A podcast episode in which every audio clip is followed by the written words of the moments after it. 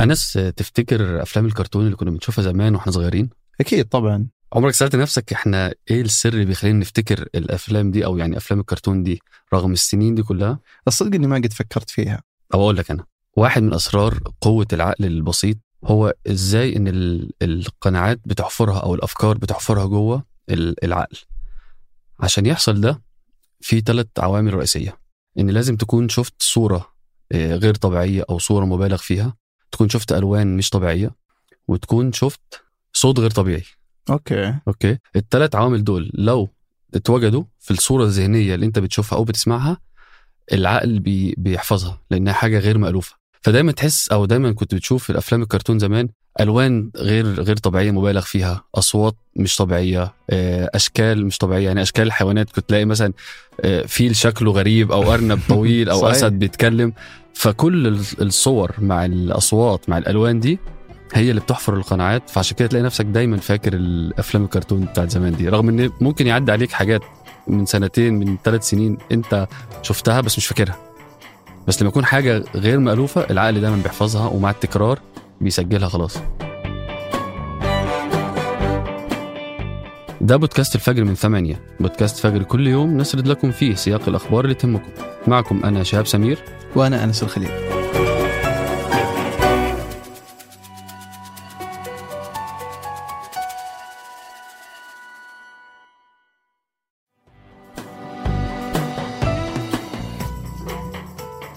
حلف شمال الأطلسي الناتو يعد واحد من الأسباب العسكرية الرئيسية اللي ساهمت في سقوط نظام القذافي في ليبيا لأنه هو الجهة اللي فرضت الحظر الجوي في سماء ليبيا وبالتالي منعت أي فرصة لتحليق الطيران العسكري للنظام الليبي وضرب أهداف تستهدف الثوار الليبيين وهذا منعه كليا من أي هجوم يقدر يسويه عبر سلاح الجو اللي عنده. هالسيناريو من فرض الحظر الجوي اللي سواه الناتو في ليبيا هو اللي تراجع عنه الرئيس الأمريكي أوباما في حالة سوريا.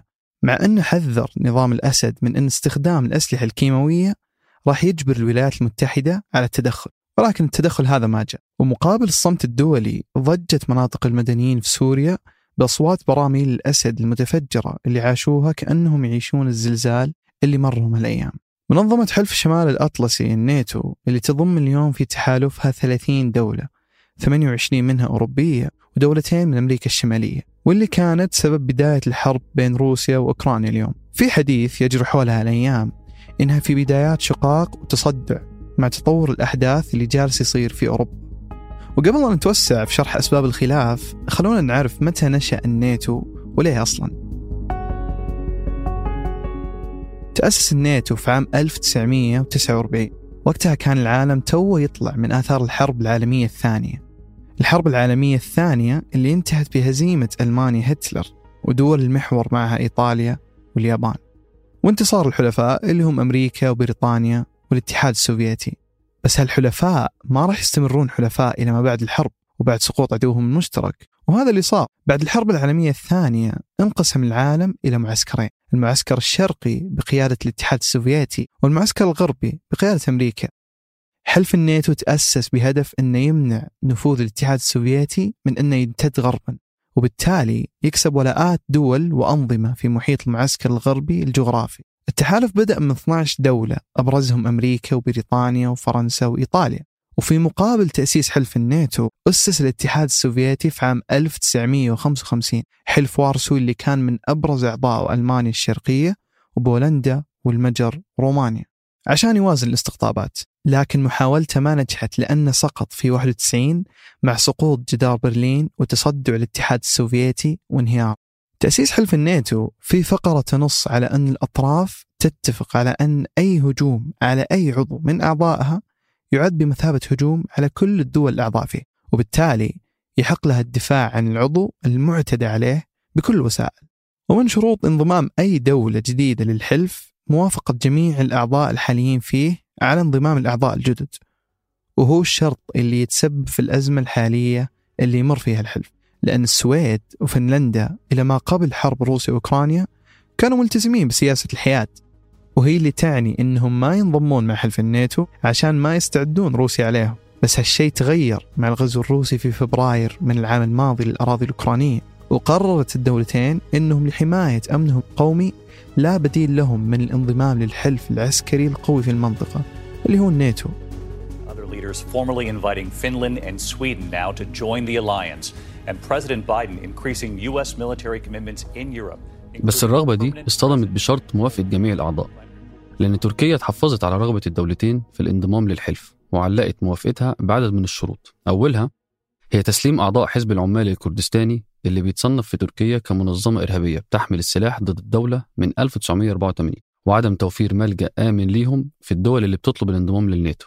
وفي يونيو الماضي وفي محادثات جرت في مدريد اتفقت الدول الثلاثة تركيا السويد وفنلندا على تعاون أكبر في مجال مكافحة الإرهاب بما في ذلك العمل على تسليم أو ترحيل المسلحين المشتبه بهم بس القضاء في السويد منع تسليم بعض اللاجئين الأكراد اللي عنده أو حتى ترحيلهم وده اللي دعا الأتراك لاتخاذ لغة تصعيدية أكتر تجاه السويد بالذات وتخفيف حدة اللغة تجاه فنلندا. ومن الأسباب اللي صعدت لغة الأتراك تجاه السويد حادثة حرق المصحف الشريف أمام السفارة التركية في ستوكهولم اللي اعتبرته أنقرة جريمة كراهية بتغلفها السويد بشعار حرية التعبير. ومن جهة تانية بعض المراقبين بيشوفوا إن أردوغان قاعد بيستخدم النفوذ اللي عنده النهاردة على قرار الناتو استخدام انتخابي. فالرئيس اللي له في السلطة والنفوذ أكتر من 20 سنة بيحاول يبرهن على قوة تركيا وقوة نفوذها وتأثيرها على القرار الإقليمي من خلال تحكمها بمصير انضمام دولتين للناتو. وبيخفف من التذمر الشعبي ومستوى التضخم العالي وانخفاض الليرة التركية اللي بيعاني منه المواطن التركي اللي بيقرب من إعطاء صوته في الانتخابات الرئاسية التركية خلال أشهر قليلة.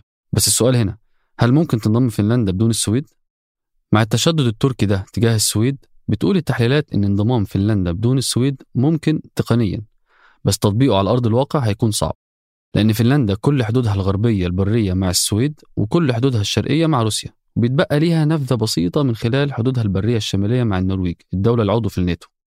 ومع أن وزير الخارجية الفنلندي أكد أنهم هيكملوا مع السويد في مشروع الانضمام للناتو إلا أن التشدد التركي مع السويد ممكن يخليهم يلجأوا لخيار الانضمام لوحدهم مع الناتو. ولو حولنا السؤال طب ليه مش الناتو هو اللي يتخلص من تركيا مثلا؟ ويسهل على نفسه مهمة ضم الدول الجديدة الرغبة في الانضمام ليه وتقوية صفه أمام الروس. الجواب على ده إنه غير ممكن لأن وثيقة تأسيس الناتو ما فيهاش آلية استبعاد أعضاء حاليين. والناتو ما يقدرش يتخلى عن حليف استراتيجي بوزن تركيا وتقل عددها واعتادها العسكري. والمشهد النهارده من تعثر انضمام السويد وفنلندا ملوش حل بحسب بعض المراقبين إلا انتظار نهاية الانتخابات الرئاسية التركية أو إن حد من الطرفين يتنازل لصالح الطرف الثاني وفي انتظار واحد من الحلين دول تبدو روسيا هي المنتصر لأن تحالف الدول المضاد ليها غير قادر إنه يتوسع حتى وهي في حالة هجوم على أوكرانيا اللي طلبت الانضمام للناتو. لكنها ما انضمتش إلى الآن بل بالعكس زيلينسكي هاجم الناتو في مارس من العام الماضي بعد ما رفض الحلف فرض منطقة حظر طيران على كامل أوكرانيا تمنع الطيران الروسي من التحليق فيه وقصف أهداف أوكرانية. وقال زيلينسكي إن عدم فرض منطقة الحظر كأنه بيدي الروس ضوء أخضر للهجوم على البلدات والقرى الأوكرانية. في حين إن دول حلف الناتو بتخشى إن فرض الحظر يعني دخولها في حرب مفتوحة مع الروس وده الخيار اللي هي مش عايزاه ومع كل التجاذب اللي بيحصل ده بين الدول. بتحاول كل دولة إنها تطلع بأكبر مكتسبات من صراع النفوذ وفرض الشروط. بس المراقبين اللي بيخافوا على مستقبل الناتو بيحذروا من إن الصراع إذا زاد قد يهدد أركان الحلف وبقائه بالكامل.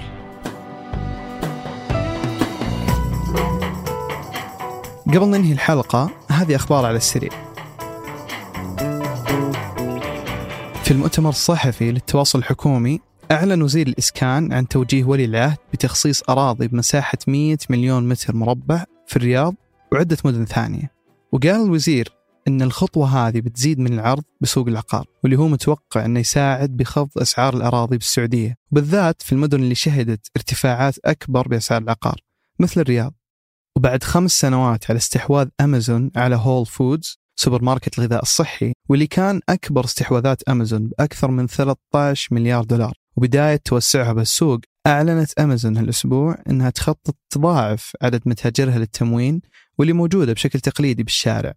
وهالشيء يجي رغم أن قسم المتاجر التقليدية بأمازون سجل خسائر بأكثر من 720 مليون دولار بالربع اللي راح. لكن تقول أمازون اليوم أن مع بداية السنة الجديدة عندها نموذج مختلف تطمح أنها تعالج فيه المشاكل اللي واجهتها قبل. وفي استطلاع جديد للمركز الوطني لاستطلاعات الرأي العام عن المرور واستخدام السيارات بالسعودية أكثر من 44% من العينة بيحتاجوا أكثر من ساعة يوميا للتنقل بين مساكنهم ومقر العمل أو الدراسة. وبالنسبة للمخالفات فإن 29% من الذكور قالوا إنهم حصلوا على مخالفة بسبب استخدام الجوال بينما النسبة عند الإناث كانت 21% والاختلاف الأكبر كان عن سبب استخدام الجوال وقت المخالفة. فبالنسبة للذكور 85% من المخالفات كانت بسبب المكالمات وبس 15% بسبب Google Maps بينما عند الإناث 56% من المخالفات بسبب Google Maps و44% بسبب المكالمات. وهالأسبوع صارت أول اجتماعات لجنة المتابعة القطرية البحرينية في الرياض. بعد ما أعلن وزير الخارجية القطري ووزير خارجية البحرين قبل أسبوع عن اتفاقهم على مسار مباحثات بين الدولتين على مستوى اللجان الثنائية اللي بتكون اجتماعاتها بالرياض. وهالمباحثات تجي بسبب اختلاف الدولتين على ترسيم حدودهم البحرية. وحوادث اعتراض خفر السواحل القطري لسفن بحرينية بنهاية 2020 وبداية 2021 ودخول طائرات بحرينية للمجال الجوي لقطر اللي رفعت وقتها الاختراق لمجلس الأمن وتوقفت بسبب هالخلافات الرحلات الجوية المباشرة بين الدولتين من وقتها إلى اليوم. وامبارح في خبر يسعدنا كلنا أعلن الاتحاد الدولي لكرة القدم الفيفا عن فوز السعودية باستضافة كأس العالم للأندية بنسخته الجاية 2023 وبحسب الإعلان فإن النسخة تقام ما بين 12 ل 22 ديسمبر السنة دي. أنتج هذه الحلقة عبد العزيز الحبيل وقدمتها أنا شهاب سمير. وأنا أنس الخليل. وراجعها عمر العمران وحررها محمد الدوسري. نشوفكم بكرة الفجر.